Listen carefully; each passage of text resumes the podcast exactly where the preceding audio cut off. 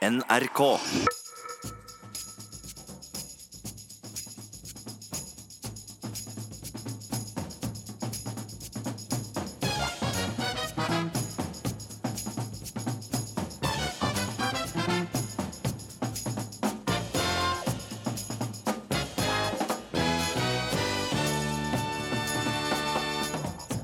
Marit Bjørgen har tatt Norges første medalje i OL i Sør-Korea, og akkurat nå går skiskytterkvinnene. Kan vi håpe på mer?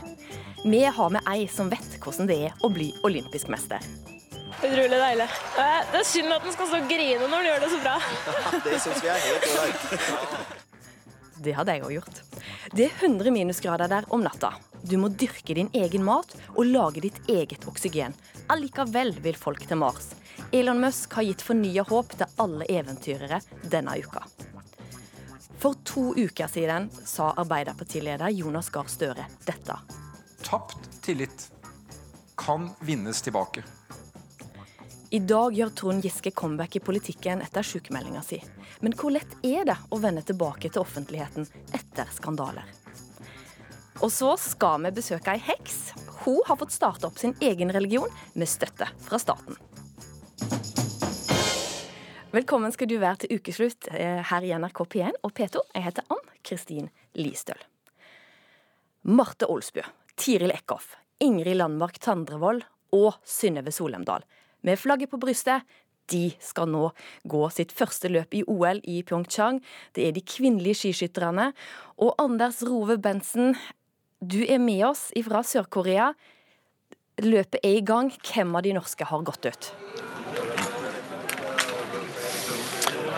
Ja, jeg er med dere, vet du. Her eh, borte har Marte Olesbu eh, gått ut av de norske. Hun hadde startnummer 11, og hun har også skutt liggende skyting. Hun bomma dessverre én gang der, men trøsten er at det er mange som bommer her i dag, for det blåser, og det er eh, til tider vanskelige forhold. Jeg kan også dra oss gjennom startlista med de andre norske her. Ja. Vi har jo Tiril Eckhoff da på start nummer 59, kanskje vårt største gullhåp. Det blir veldig spennende å se hva hun kan gjøre. Ingrid Landmark Tandrevold går ut som nummer 72, OL-debutanten. Og så starter Synnøve Solumdal nest sist med start nummer 86. Så det blir spennende renn foran oss. Vi hører stemningen helt inn his, og du Anders Rove Bensen, du er med oss videre i sendinga for å gi oss oppdateringer innimellom. Men vi skal kjenne litt på gullfølelsen og mimre litt. Midt i første. Og kjempebom! Ja, da er det avgjort! Gratulerer med dagen, Tora Berger! Du er olympisk mester! Olympisk gull! Oi, oi, oi, oi! Gratulerer med dagen, Tora! Og du er den første norske kvinne som vinner OL-gull i skiskyting. Ja, det er deilig. Utrolig deilig. Det er synd at den skal stå og grine når den gjør det så bra.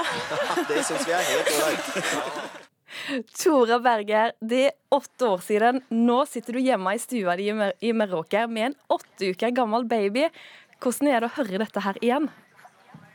Nei, det er jo trivelige minner av det der, da. Så, men det er jo litt historie, da. Så det er jo litt spennende på hva som skjer i dag. Ja, sant. Du er sånn på fokus på arbeidsoppgaver, nye ting nå. Og du sitter òg og følger med. Hvem er du mest spent på? Jeg er jo veldig spent på selvfølgelig på den norske. og Jeg ser jo da at den bommer jo en del borti der, og det er en del vind. sånn at jeg har jo litt håp både på Tiril og på Marte. Så jeg så jo Marte har jo bare én bom på liggendeskytinga si nå, så jeg håper hun får til en god ståendeskyting. For det er sant, nå, Du har lagt opp, eh, du har to sønner, sitter hjemme i stua di. Men du kan alt om dette her, det mentale presset sant, som gjør at det er så gøy å, høre på skiskyting, nei, å se på skiskyting òg. Forklar for oss som ikke har gjort noe annet enn å bare se dette her på TV. Hvor stort er det der mentale presset når du kommer inn og skal skyte? Ja, altså det er da at det er ikke så veldig mye tanker utenom akkurat det du skal gjøre, som, eh, som skal til før det, du blir skipla litt. Så hvis du begynner å få en feil tanke inn i hodet når du står der og sikter og skal trekke av, så blir det fort en bom. Eh, sånn at det å faktisk være til stede og ha fokus på på hvert enkelt skudd når du står på standplassen der, er utrolig viktig i, i skiskyting. Og det er veldig mye som kan kyple det, og du kan bli eh, når du står der. For det kan komme en, eh, en eh, konkurrent å stille opp ved siden av, eller du kanskje du hører spikeren som nevner noen andre, og kanskje kommer tankene om at du faktisk står og skyter om, om en OL-medalje. Du, du har jo et la, lang karriere bak deg. I hva slags løp har du sjøl kjent mest på nervene? Eh, ja, nei, altså individuelle løpene føler jeg liksom har vært eh, har vært greie, for der har jeg kun ødelagt for meg sjøl, så den eh, kanskje har vært mest nervøs for. Det var en stafett i, i, i uh, Nove Mesto, når det var VM der, og som, som hadde muligheten til å vinne. VM Nå så jeg da at Marte skjøt fullt hus på stående, bare så du veit det. Du, takk for og går du... ut i. Og jeg tror hun går ut i ledelse nå. Yes, og tror jeg. Der ser vi Marte Olsbu leder fullt hus. Takk, Tora. Det er jo helt topp. Med 15 sekunder. du klarer å snakke om din egen tidligere karriere og følge med. Takk for det. Fortsett å holde oss oppdatert. Og så skal vi, for det nettopp eh, når du sjøl kjente på nervene i VM i 2013, hør, hør litt her. Og da er det Tora Berger som nå står klar nede. Hun speider etter Synnøve. Der er Italia inn til veksling. Tora Berge sklir fram her nå. Og det betyr at Synnøve er rett rundt hjørnet, og Norge får start på fjerde etappe der. Her kommer du ut, du går siste etappen. Du vet at alt står og faller på deg. Hvorfor var dette så avgjørende?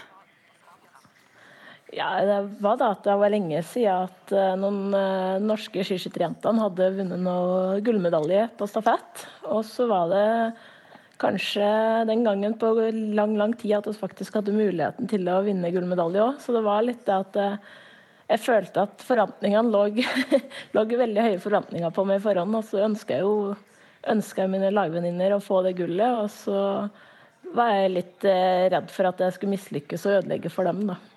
Jeg tror jeg sjøl hadde tenkt å nei, hvis jeg bommer nå, så ødelegger jeg for alle de andre. Ja, det er fort å tenke slik.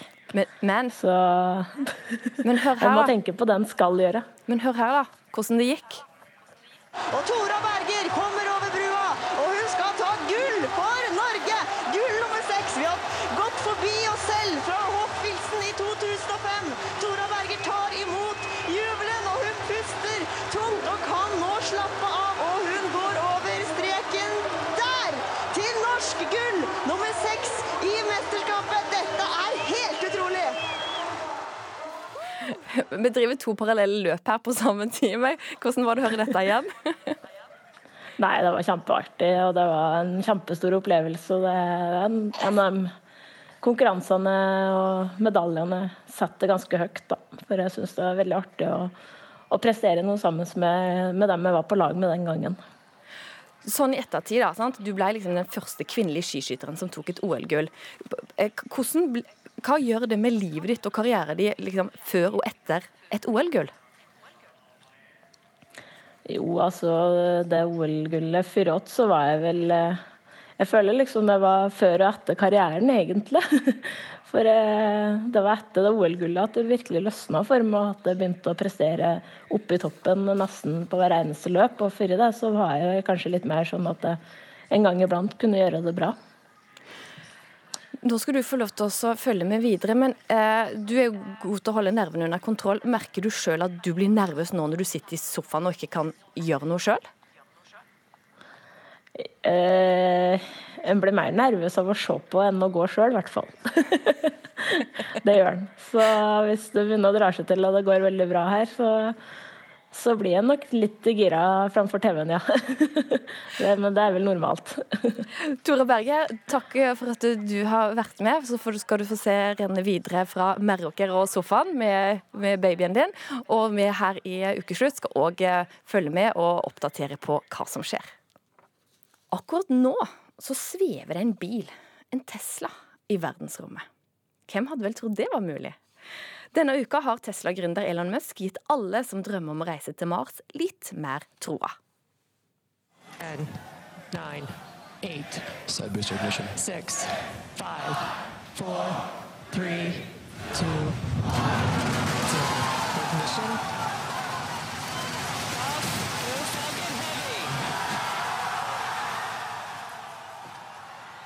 Dette her det er oppskytinga av verdens kraftigste rakett, Falcon Heavy, som ble sendt ut i verdensrommet denne uka. Og jeg har to mannfolk her i studio som sitter med litt sånn lengtende blikk og store smil når jeg hørte denne lyden her. Vi kan starte med deg, Terje Wald, vi er avdelingsdirektør ved Norsk Romsenter. Og seriøst, er det mulig å komme seg til Mars og faktisk leve der? Det er mulig å komme seg dit, og det er i hvert fall mulig å leve der en stund. Eh, største problemet er kanskje å komme trygt tilbake igjen, hvis man har tenkt det.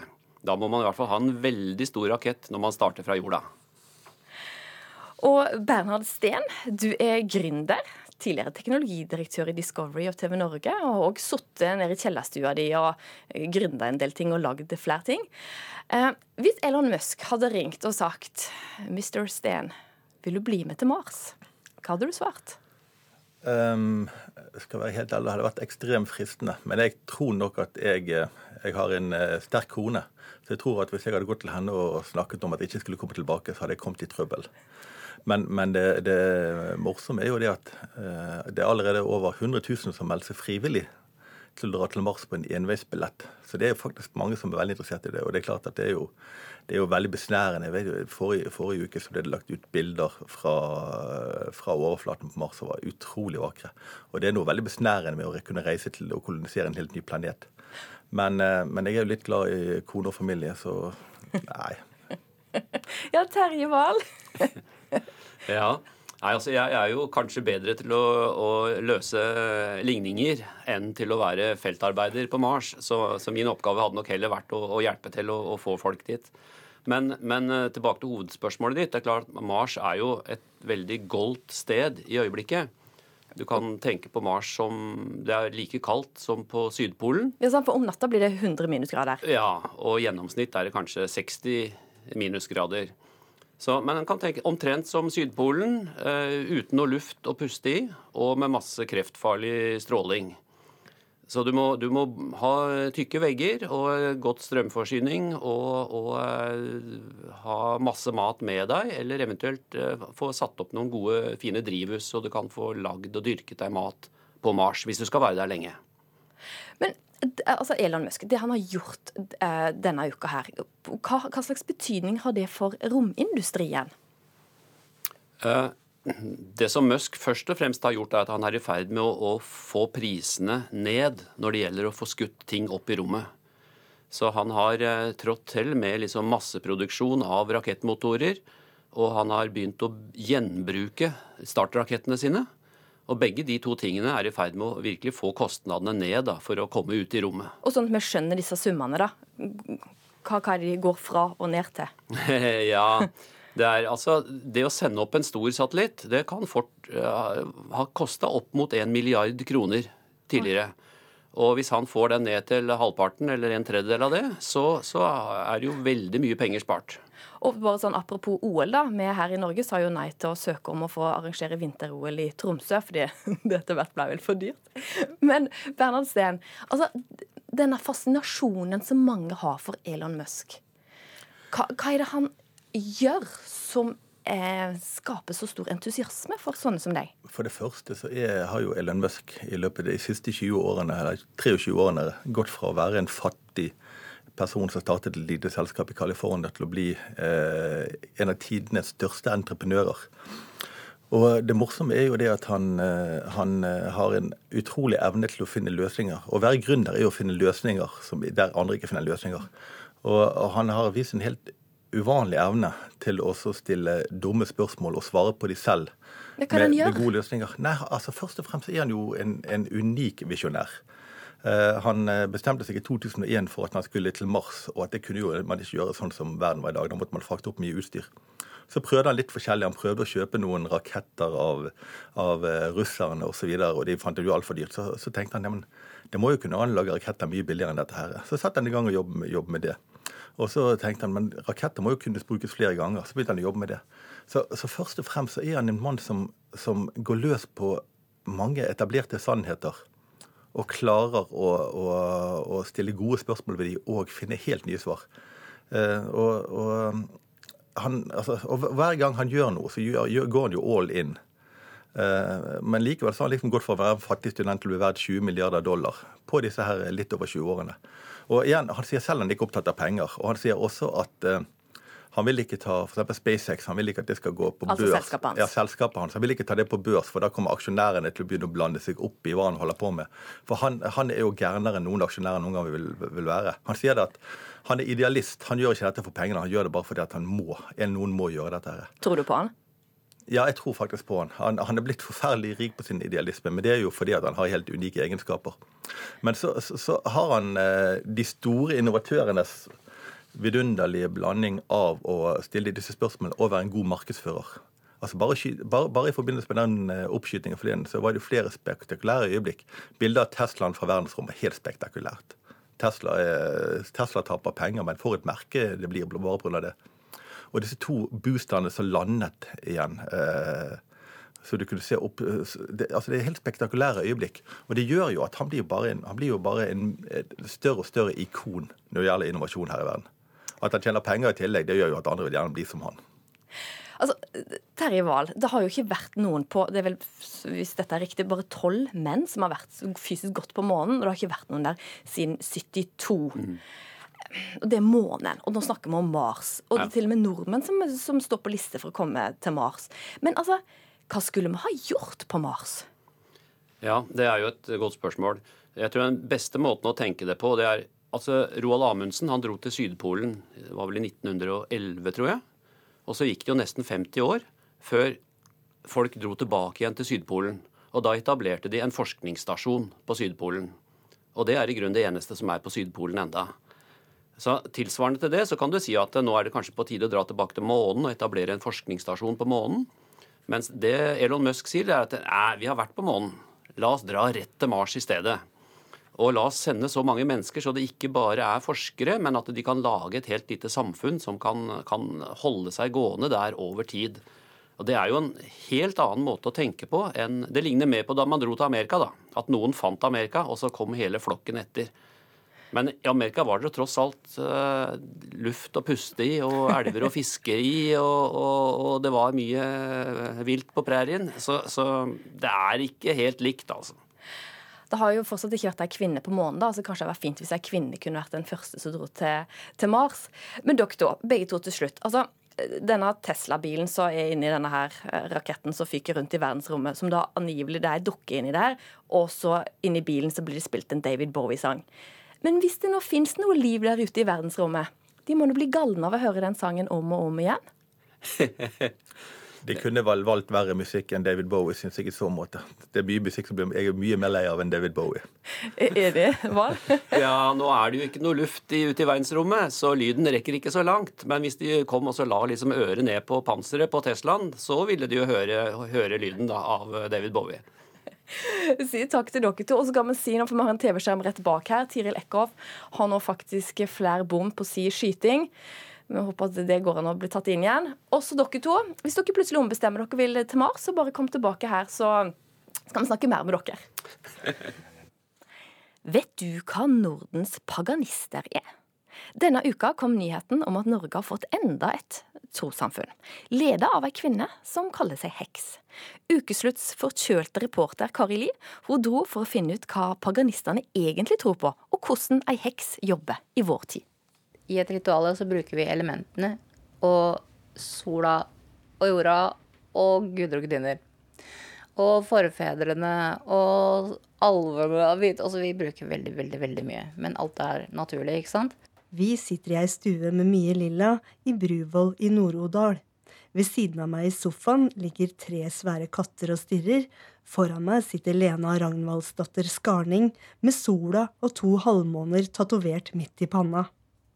Hun forteller om ritualene hun utfører som heks. Eksempel på Beltane, som er um, natt til 1. mai. Da er det jorda og solas eh, Altså gudinnen og gudens uh, forening. Altså det kan vi symbolisere da ved at en mann holder en dolk som han fører ned i en, eh, enten et horn eller en, et beger. For å symbolisere et uh, samleie. Skarning kunne notere en kjempeseier før jul. Da bestemte Kulturdepartementet, sitat, under en viss tvil, at Nordens paganister er et trossamfunn. Fylkesmannen i Hedmark hadde sagt nei, men nå blei det ja. Sol- og jordtilbederne vil dermed få lov til å vie, døpe og konfirmere folk, og de vil få statstilskudd. Foreløpig bare for 20 medlemmer. Så vi jobber jo litt på spreng nå, da, for å få opp en hjemmeside og Men det kommer. Det kommer når det skal.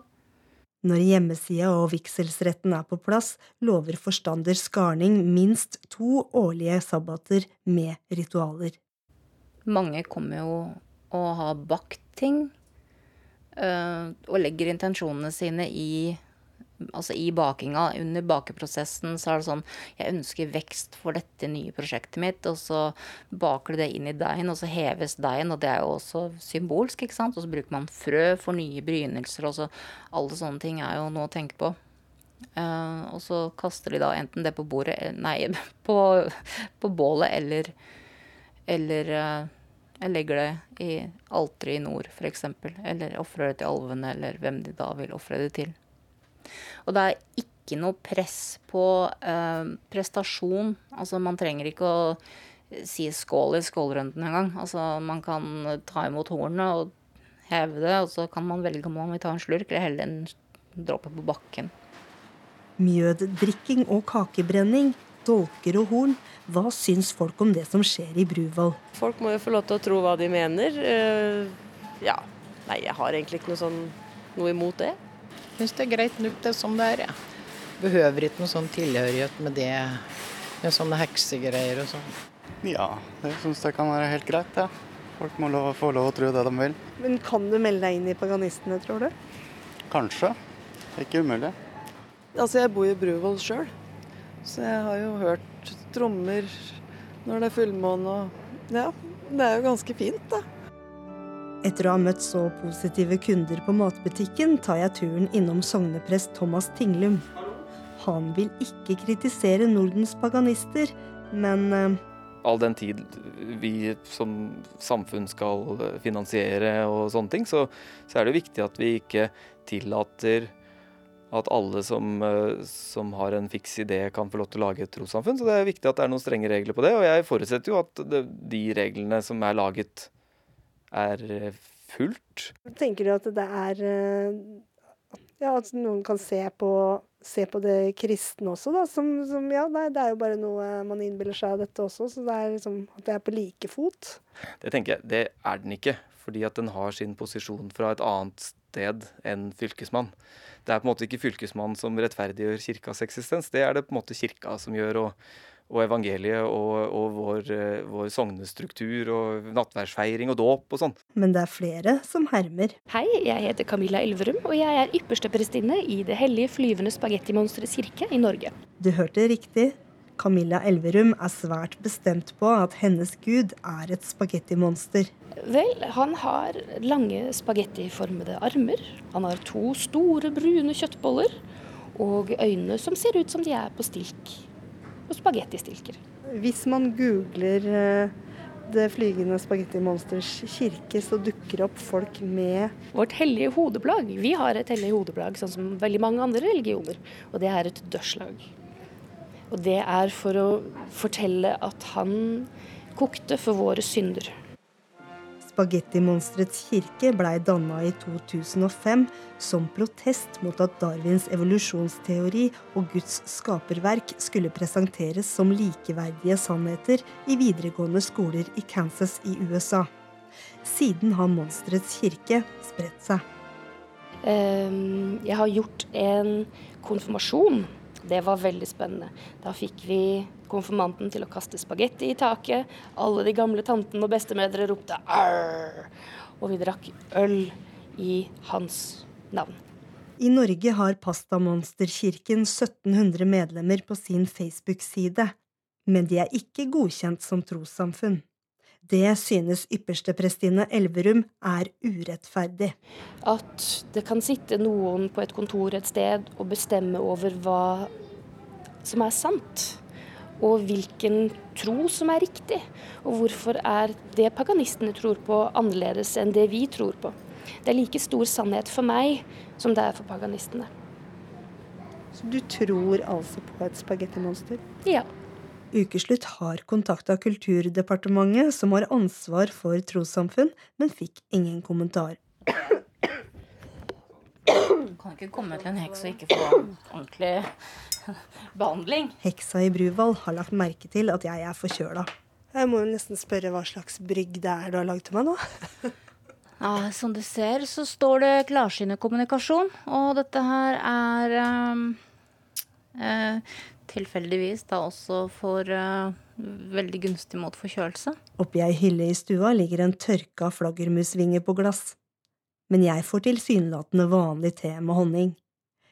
Lena Ragnvaldsdatter Skarning prøver heller litt heksemagi på snøen utafor huset. Jeg har jo lagd en gjeng med islykter utenfor her, fordi Og så setter jeg lyset på der for å symbolisere at jeg prøver å smelte den Ja, det, altså, jeg skal ikke disse snøen, altså, men jeg er ikke bestekompis med den.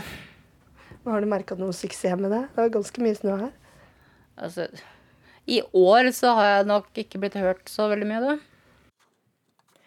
Reporter her, det var Kari Li. Bli med videre i ukeslutt og hør om det blir OL-medalje på de norske skiskytterkvinnene som nærmer seg mål i Sør-Korea. Og Trond Giske gjør politisk comeback i dag. Vi får besøk av to stykk som sjøl har opplevd å vende tilbake til offentligheten etter å ha skapt store overskrifter. Og i morgen er det morsdag. Ukeslutt hyller alle landets mødre med god hjelp av Aune Sand. Denne uka så kom Trond Giske tilbake til politikken etter å ha vært sykemeldt siden før jul. Giske sa i januar fra seg vervet som nestleder og finanspolitisk talsperson i Arbeiderpartiet, etter flere varsler om seksuell trakassering. Så vi skal til Trøndelag, der Giske i dag skal tale når et nytt lokallag i Arbeiderpartiet blir stifta, nemlig Orkeland Arbeiderparti. Og Åse Marit Befring, eh, kollegaen min og reporter, denne opptredenen her får stor oppmerksomhet. Hvorfor? Det er jo fordi at eh, det er snakk om en av eh, de som har vært mektigst i norsk politikk eh, inntil metoo-kampanjen felte ham, som kommer hit nå i dag etter å ha vært nesten syv timer sykemeldt. Det er, har vært en enorm dekning av prosessen og varselet mot ham, og han har heller ikke gitt noen intervjuer etter at han før jul da var på Dagsrevyen og beklaget offentlig. Siden det så har vi jo utelukkende hørt fra ham gjennom hans advokater. Eh, gjennom Facebook-innlegg eh, eh, og, e-post som han da har sendt til sentralstyret i Arbeiderpartiet. Men nå starter han på en måte kampen for sitt politiske ettermæle her i dag. Jeg hører at det er mye summing og menneske, menneskelyd i bakgrunnen her, så det er nok litt forventninger her. Men er det grunn til å tro at han vil snakke om varslene som er kommet mot ham? Ja, eh, vi antar at han kommer til å snakke om det. Noe annet vil jo være eh, kanskje litt eh, vanskelig å unngå, rett og slett. Fordi at eh, han må på en måte Det er elefanten i rommet. Han, han, eh, det er en forventning at, om at han kommer til å i hvert fall si noe rundt dette. Han har jo ment at eh, det har vært veldig ensidig dekning. Han har ment at han har vært utsatt for en omvendt bevisbyrde. Altså han har jo det er varslene som eier sannheten. Eh, så han har jo sikkert også et behov for eh, å si noe rundt dette her i dag. Men hva han kommer til å si, det vet vi ikke. Nei. Og Dette her er jo hjemfylket hans. Eh, hva betyr valget av sted? Trond Giske han kommer på en måte tilbake han, der han startet, ute blant eh, lokallag i Trøndelag. Det er helt fullt her i dag. Det er som du sa på begynnelsen, det er altså eh, fire lokallag da, som skal eh, bli til ett, fordi det er fire kommuner i eh, Sør-Trøndelag som da skal bli til Eller i Trøndelag som skal bli til én eh, storkommune. Eh, og han, blir, eh, han er ønsket velkommen her. Dette er omgivelser som har støttet ham som person hele veien. Eh, så for han så er jo dette også en arena som kanskje er lettere å, å komme tilbake på enn om han skulle ha sitt første politiske innlegg eh, etter alt som har skjedd i Oslo. Takk til deg, Åse Marit Befring. Og for de som er særlig opptatt av eh, kommunereform, skal vi da si at det er faktisk Snillfjord, Agdenes, Meldal og Orkdal som slår seg sammen. Og dette her blir da det nye Orkeland Arbeiderparti. Jonas Gahr Støre har sagt tapt tillit kan vinnes tilbake. Men hvor lett er det? Og hvordan takler det når hele Norge følger med på hva du gjør? Denne høsten og vinterens metoo-saker har vist en rekke saker som berører mange mennesker. Og vi skal utvide perspektivet enda mer her. Fordi at dette her må komme tilbake etter å ha gjort en feil, og etter å ha mista tillit. Det er, det er mange som har prøvd på det eh, etter at de har gjort opp for seg. Og vi har eh, fått besøk av to stykker her i studio. Eh, Erik Skutle. Du er bergenser, men du, er, du er vara til Stortinget for Høyre. Og nå er du, også, student ved Norges handelshøyskole. Men vi skal skru tida litt tilbake. For I 2014 så var du eh, stortingsrepresentant for Høyre. Du var faktisk varaen for Erna Solberg siden hun da var statsminister, og nå. Du var 24 år gammel, og plutselig så er det en stor mediesak fordi du har begått lovbrudd. Du har brukt narkotika. Du er sikta for å røyke hasj, noe du òg innrømmer. Og dette blir en svær mediesak. Ta oss med tilbake når dette her blir kjent. Altså, Hva surrer i hodet ditt da? Det er jo et voldsomt sjokk, selvfølgelig. Ehm, jeg tror veldig mange mennesker kan kjenne seg igjen i, hvordan man reagerer når man blir tatt for noe som man ikke har lov til å gjøre. Enten man er eh, fire år gammel og tar på CD-ene til pappa, eller eh, man blir fersket av sjefen til å ikke jobbe, eller hva som helst. Eh, og så kan man gange det med ja, mange, mange ganger. Ja, sant, For dette her er virkelig ulovlig, og du er en stortingsrepresentant som skulle være med å følge ja, loven. Man skjønner med en gang, sant. På ett sekund så skjønner man at ansiktet ditt kommer til å være på forsiden av mange aviser. og dette kommer til å bli snakket om rundt middagsbord rundt omkring, og du kommer til å bli nevnt på TV og radio osv. Sånn, at det skjønner du med en gang. Og hvordan har du det i det øyeblikket, når du skjønner det? Da, da knyter det seg skikkelig i magen, sant? og du blir uvel. og den, det fundamentet som du liksom har bygget eh, livet ditt på, og liksom stabiliteten i livet, det forsvinner jo under beina dine med en gang. Så det er jo et sjokk. Sånn at Du blir kastet ut i en, en situasjon som du ikke ser utgangen av. Altså sånn i ettertid, da hvis man ser på sånne politiske skandaler, f.eks., så går det stort sett ofte ganske greit. Men der og da så ser man ingen lys i enden av tunnelen. Sant? Det er jo bare Du er begravd i dritt, for å si det litt, eh, litt folkelig. Og du ser ingen, ser ingen vei ut av det der og da. Det er et bekmørke. Ja. Og da skal vi, vi skal holde oss i det bekmørket. Og vi skal enda lenger tilbake i tid. Eh, vi skrur tida tilbake til 2011. Og til deg, da, Trond Birkedal. Eh, du blir sett på som ei lysende politisk stjerne i Frp. Eh, du er tidligere politiker for Frp, du hadde vært FPU-leder, altså for ungdomspartiet, og du er på dette tidspunktet ordførerkandidat for Frp i Stavanger. Og så smukk, så trekker du deg fra alle verv etter beskyldninger om bl.a. seksuell omgang med mindreårige og for å ha filma unge menn i dusjen, og du blir seinere dømt da for dette. Altså, Du blir varetektsfengsla mens du er navnet altså overalt. Hvordan har du det der og da, når det bøkmørket er rundt deg? Sånn som Erik sier, beskriver det veldig godt. Altså, du, du alt, altså Hele livet ditt faller i grus, for hele livet ditt har vært Hele identiteten din, alt har vært politikken. Og når du er dreven politiker, sånn som jeg var da, så, så skjønner du at da er det slutt. Når noe sånt kommer fram, så skjønner du at da er du ferdig i politikken. Og, og du må begynne å tenke på hva du skal gjøre etterpå. Det er ikke snakk om at du skal komme deg tilbake igjen i politikken, eller at det bare tar en liten stund, og så For dette er så grovt at det er ikke mulig å komme tilbake? Nei, og det ble så stort. Det var jo, det var jo en massiv mediedekning eh, på den tida, og du sitter sjøl og kanskje gjør noe med mediedekningen. Altså, du har ikke krefter til verken lese aviser eller begynne å korrigere feilaktige påstander og sånt. Så du må liksom bare la det sirkuset gå sin gang. Eh, og da, da valgte jeg å begynne å fokusere mer på hva hva nå? Altså etter politikken, for, jeg skjønte fort at nå var det slutt. For, for det skjønner du når du sitter i fengsel, du? du... Jeg, skjønte, jeg, skjønte, det når politiet kom på døra, at det, OK, det var, da var jeg ferdig i politikk. Sant? Og, sant? og du, du, sitter i varetekt i åtte døgn, mm. eh, og du er der, sant? Eh, du skjønner virkelig ikke bra. Mm. Eh, grovt lovbrudd. Eh, men hva gjør du for å eh, si til deg sjøl at det er en vei ut av det? Akkurat der og da så er det vanskelig å liksom se den veien. For at eh, Som sagt, det hele identiteten, det hele deg, er politiker. Eh, så det jeg gjør, jeg begynner først å gå gjennom økonomien min. ikke sant? Se hva, jeg, hva kan jeg gjøre? Hva har jeg eh, å leve for, og sånt. Og så, For det må være litt praktisk oppi alt dette her. Eh, og så er det jo spent på hva skjer når du kommer ut av varetekt. Hvordan tar familien imot deg? Hvordan tar venner imot deg? For min del så gikk det veldig bra. Ble godt ivaretatt. Og da skjønte jeg at eh, dette kan gå bra. Og, men dette med økonomi, det er type sånn å ja, du har ikke inntekt, du kan gå konkurs, du kan måtte selge hus. Alt. Ja, i utgangspunktet er det sånn. Jeg, hadde, jeg visste at politikk var i utgangspunktet en risikosport. Uh, fordi at du er nominert for fire år om gangen, og jeg ville aldri komme i en posisjon der jeg måtte si ja til gjenvalg for å sikre økonomien. Så jeg hadde gjort noen grep. Så jeg visste at det var ikke akutt for min del.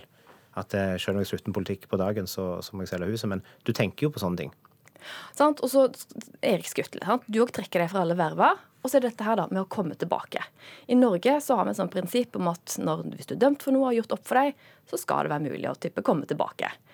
Eh, hva, hvor flinke syns du er med til å praktisere det i, til vanlig? um, jeg syns jo egentlig at uh, både presse og politikere og folk generelt er egentlig ganske rause. Uh, hvis du har beklaget noe på ordentlig, og i hvert fall hvis handlingen du har gjort, liksom ikke er massedrap eller sånn kjempealvorlige ting, så får du nye muligheter. Eh, men jeg tror nok folk Det henger jo eh, i bakhodet til folk at uh, ja de, de, husker gjerne hva du har gjort, da. Tror jeg. Men er vi for rause? Nei, det tror jeg ikke. Um, jeg kan i hvert fall ikke komme på noen eksempler der man på en måte har gitt uh, for mye tillit til, til folk som har uh, gjort gale ting. Det tror jeg ikke. Hva tenker du om det, Birkedal? Nei, jeg eh, opplever at et en god, et god, godt prinsipp er å skille mellom mennesket og handlingene. Eh, det at vi har gjort dumme ting, har gjort ulovlige ting, betyr ikke at vi er dårlige mennesker. Det tror jeg det er en ganske stor aksept for i det norske samfunnet. Så det er alltid noen som har behov for å dømme, som har behov for å være de som er forretta på vegne av alle andre. De vil alltid være der, men, men de kan ikke styre ettertida. Så når du har gjort opp for deg, så bør en iallfall ja, være ferdig med akkurat den biten. Men sånn, ja. En ting er jo sone og gjøre opp for seg, men så skal du jo ut og møte folk. Mm. Eh, med all den skammen det fører med seg. Mm. Hvordan håndterte du det? Jeg valgte å gjøre, gå rett på. Altså, Jeg valgte ikke isolere meg. Jeg kunne jo sittet inne en stund hjemme og bare vente, men da blir den dørstokken ganske høy. Sånn at jeg valgte å gå ut. Jeg begynte å studere samme året. altså Bare noen måneder etterpå så begynte jeg på Universitetet i Stavanger. Måtte gå inn i klasserommet der. Jeg visste at alle visste hvem jeg var, og hva jeg hadde gjort. Hvordan var den følelsen å gå inn der første skoledag? Du, du føler deg veldig selvfølgelig beglodd, og du føler deg eh, det, Der er skam forbundet med det, selvfølgelig. Men så må du begynne en plass, og det gjorde jeg der. Og så har jeg senere vært litt i offentligheten. Jeg har vært, litt på, vært en gang på Debatten her på NRK, f.eks. Eh, små skritt om gangen. Og jeg har ikke noe behov, jeg skal ikke være en offentlig person i framtida heller. Jeg skal ikke tilbake på politikken eller noe sånt. Så jeg har ikke det behovet som de som sitter nå på Stortinget og har tre år foran seg, til å komme tilbake. Men, eh, men jeg syns det er greit å kunne vise seg ute og kunne leve livet videre. For det er et liv etter denne skandalen. Og det som Erik sier òg, det, der er en utgang på det. Det er lys i enden av tunnelen. Og det har det vist seg å være for meg. Jeg har fått et bedre liv jeg, ja, i dag enn jeg hadde før. Hvorfor det? Fordi at nå kan jeg være meg sjøl. Før så var jeg ikke sant, jeg, jeg, levde som skjult homofil. Nå kan jeg leve åpent med det. Jeg har samboer. Jeg har et nettverk, jeg har en jobb. Livet kan bli bra etter en sånn en skandale, men der og da så virker det veldig mørkt. Og til slutt til dere begge to, for de der som kan sitte og høre på bare Nei, fy søren, dette, liksom, dette, er for dårlig. Liksom, vi har problemer med å tilgi. Hva vil dere si da? Nei, altså folk, folk, må bare ta sine egne valg, tenker jeg. Um, og hvis folk ikke har lyst til å gi, gi folk en ny sjanse, så skal ikke jeg tvinge dem til det. Men uh, jeg opplever at folk stort sett er villige til å, til å gi folk en ny sjanse, hvis man beklager på ordentlig. Jeg syns det er helt greit. Altså, hvis de har behov for å være for, altså, En ting er de som blir direkte ramma av f.eks. det jeg har gjort. Hvis de ikke tilgir, så er det verre. Men folk som ikke har blitt ramma av dette her, som er forretta på vegne av andre, de må få lov til å være det, men det betyr ikke så mye for meg lenger. Og som Erik, du Erik Skutle sier, at eh, du syns faktisk folk har vært rause. Ja, absolutt. Ja. Takk for at eh, dere kom hit, Erik Skutle og Trond Birkedal.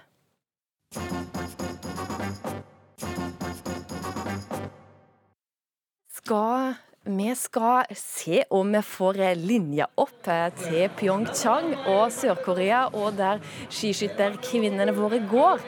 Eh, Anders Rove Berntsen, kan du høre meg nå? Ja, nå hører jeg deg. Hører du meg godt? Godt og tydelig, og jubel i bakgrunnen, men hva betyr det? Det, det, betyr at det går mot norsk medalje i skiskyting. Det er Marte Olsbu. Hun ligger på sølvplass, og nå, nå er det altså Det er eh, faktisk nå snart avgjort her. Det er eh, ingen, vil jeg påstå, som kan ta henne. Hun, eh, hun slo til med ni av ti treff. Og Jeg snakka med henne for eh, noen minutter siden, og da turte jeg ikke å slippe jubelen løs ennå, for da hadde ikke alle gått i mål. Men uh, nå, nå, er det, nå er, vil jeg si det er sikkert. Dette her, det er utrolig stort for uh, Marte Olsbø, som jo er faktisk OL-debutant. Nå kjenner jeg at jeg får, jeg får gåsehud. Men Marte Olsbu sant, hun står, hun har gått i mål. Hun står nå og venter på om noen kan klare å ta igjen tida hennes. Hva tid vet vi dette her helt sikkert? Nei, du, det er vel eh, Nå er jeg vil si det er avgjort. Det er Nå står jeg og ser på resultatlista her, og det er oss speider her. Og nå er det ingen flere i eh, løypa, så dette her er klart. Kan vi si Marte Olsbu har fått sølvmedalje for 7,5 km sprint kvinner i skiskyting? Ja. Det, er, det, kan vi si. Det vil jeg si. Det er eh, fantastisk. Det er eh, det er ikke mange igjen nå, men eh, det er, eh, jeg kan ikke skjønne hvem som kan slå, slå henne nå. Du har ikke snakka med henne. Hva sa hun til deg? Nei, Hun sa at hun turte ikke å håpe, turte ikke å håpe på eh, det ennå, for alle hadde ikke gått i mål. Og det er jo greit, men nå, ja, nå, nå, tror jeg til og med hun må klare å slippe jubelen løs snart. Ja, du står ikke i nærheten av henne sånn at du klarer å få snakka med henne? Nei, hun gikk hun gikk rett og slett eh, inn i et sånt eh, avlukke her, der de står og venter og følger med spent på resten. Og hun kommer nok ut igjen der når hele er, eh, hele er 110% sikkert. Men det høres ut som at vi har tatt eh, sølv, og den, vi sier takk til ja, vi skal si takk til deg, Anders Rove Bensen, men vi sier òg takk til Marte Olsbu, og gratulerer Froland, klubben hennes. Og vi har en sølvmedaljevinner blant skiskytterne. Og Tora Berger, du som tok det første gullet for, i OL for kvinnelige skiskyttere. Er du fortsatt med oss fra Meråker? Ja da, det er jeg. Hva, du, hva sier du om Marte Olsbu nå, da? Nei, det var jo et kjempebra løp, og det var kjempeartig at hun fikk det til så bra. Så det Ja, hva skal en si? Det var knallbra. og vi fikk jo litt eh, Vi ble jo rørt her i studio, men har du fått med deg hvem som vant? Ja, det var Dalmeier som vant, og hun skjøt eh, fullt hus på begge skytingene, så hun gjorde et vanvittig bra løp. Da, takk for at du har vært med oss og oppdatert. Og kun kjapt til slutt her, hvordan vil du sammenligne denne medaljen med din egen OL-gull, da? Ja, de er vel like bra, det. Litt beskjeden der. Tora Berge, tusen takk for at du var med. For vi skal snakke om morsdag. Og den går òg faktisk til Tora Berge, som har sittet hjemme med en åtte uker gammel sønn. Kjære alle landets mødre. I morgen er det morsdag, og sånne dager bruker ofte å vises på Facebook. Der florerer det med hjerter, bilder og vakre ord til mødre. Men så var det dette her med å si det litt muntlig, da. Der har jo vi nordmenn litt å gå på når det gjelder å bruke hele fargepaletten i språket vårt. Men noen er litt mer uredde enn andre, så vi i Ukeslutt har rett og slett invitert Aune Sand hit. Kunstner, men òg kjent fra Kjendisfarmen på TV 2, der du like godt skrev et dikt. Så alle landets mødre, vi i Ukeslutt gratulerer dere med dagen ved å gi dere Aune Sand. Vær så god. Kjære moder Norge, hvor vi har deg kjær høye tinder, dype skjær. Langt mot nord, de tapre er. Tenk, vår Herre ga oss livet her. Tusen takk til mor og far som ga oss livet etter en natt i sivet. Kjære alle mødre, dere er livet. Hva betyr dette for deg?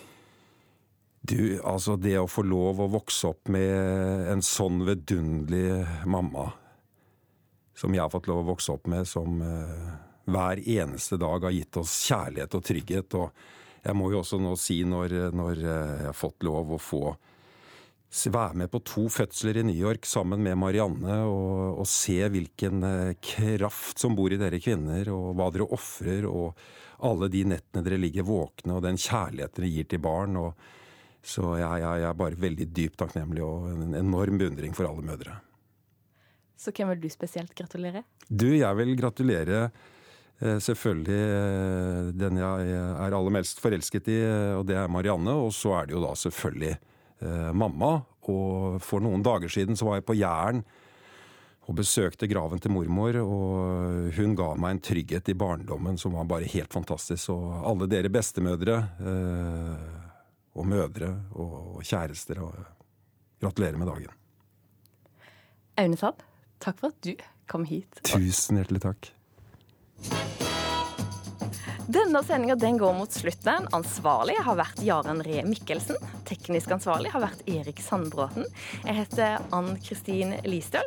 Og um, Ukeslutt kan du høre når du vil, hvor du vil. Men hvis du òg har lyst til å høre, følge mer med på, på OL, så følg med på nrk.no og hør på radiosendingene våre. Og så sier vi til alle landets mødre gratulerer med dagen i morgen, og ha ei god helg.